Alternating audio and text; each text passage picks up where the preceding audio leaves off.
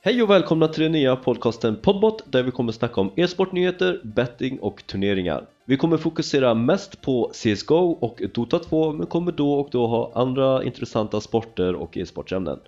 Jag som har fått äran att jobba med den här podcasten heter Kevin Speling och har varit aktiv inom e-sport i över 15 år. Lite kort om mig själv så började jag som 10-åring att spela CS på Pottis LAN-café i Trollhättan där jag spelade CS dagligen Lite i hopp om att få träffa legendaren själv men förmodligen förgäves då han var väldigt upptagen med Hiton och SK att dominera dåtidens CS-scen.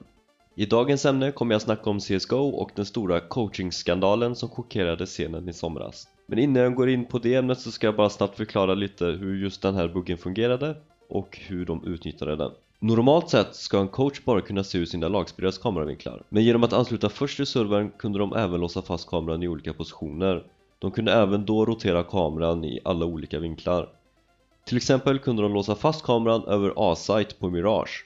Detta har ganska stor betydelse eftersom man kan se hur CT-sidan har positionerat sina spelare och ge den informationen till turisterna i realtid. Buggen blev offentlig den 31 augusti i år då ESL gick ut på Twitter med att de skulle stänga av tre coacher från olika lag i CSGO på grund av den här metoden.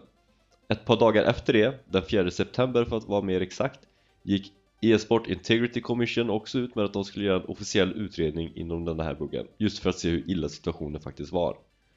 I utredningen jobbade Steve Dudenhofer och Michal Slovinski i över 12 timmar varje dag helt obetalt för den delen att gå igenom 1500 matcher. Antalet matcher skulle senare komma att öka då nya uppgifter kom fram att buggen faktiskt existerade redan 2016. Men utredningen visade redan resultat den 28 september då e-sport Integrity Commission släppte en offentlig lista på coaches som blivit straffade.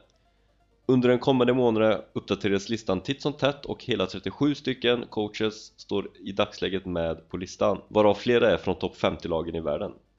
Straffen varierar mellan 4 till 36 månader och straffskalan baseras på om coachen i fråga erkände innan e-sport Integrity Commission påbörjade utredningen och hur gravt coachen utnyttjade buggen. I den här listan ser vi kända lag som Heroic som slog både Astralis och Vitality för att vinna ESL Cologne Europe bara några dagar innan deras coach blev bannad. De två största brasilianska lagen Made in Brazil och Furia finns också med men ska dock påpeka att i Furias fall erkände deras coach innan utredningen påbörjades att han upplevt buggen vid två tillfällen. Han blev straffad på grund av att han bara stängde av kommunikationen med sina spelare vid ett tillfälle istället för att lämna matchen. Vid det andra tillfället utnyttjade han den mer medvetet. Däremot erkände inte Made in Brazils coach överhuvudtaget och han utnyttjade buggen vid fem tillfällen medveten. Trots detta skiljer sig Made in Brazil straff med bara fyra månader mer än Furious. I listan ser vi också Mousesports och ENS vars coacher blev bannade för utnyttjande av buggen i matcher som skedde i lag före de blev signade av Mousesports och ENS.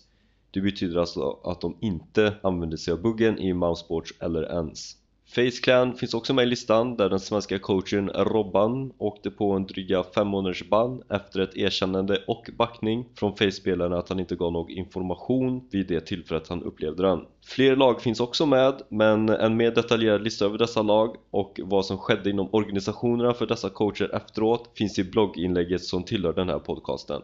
Utredningen pågår fortfarande då det är över 99 950 professionella matcher som sträcker sig ända bak till 2016 vad som är riktigt konstigt med allt det här är att Valve fick reda på den här buggen redan 2015 Varför de inte valde att försöka patcha den buggen under fyra års tid Det vet vi inte eftersom man inte gått ut med något officiellt svar ännu. Det var allt för den här gången och jag tackar så jättemycket för mig och nästa veckas ämne kommer att handla om den rådande pandemin och hur den påverkar e-sportscenen Vi syns då!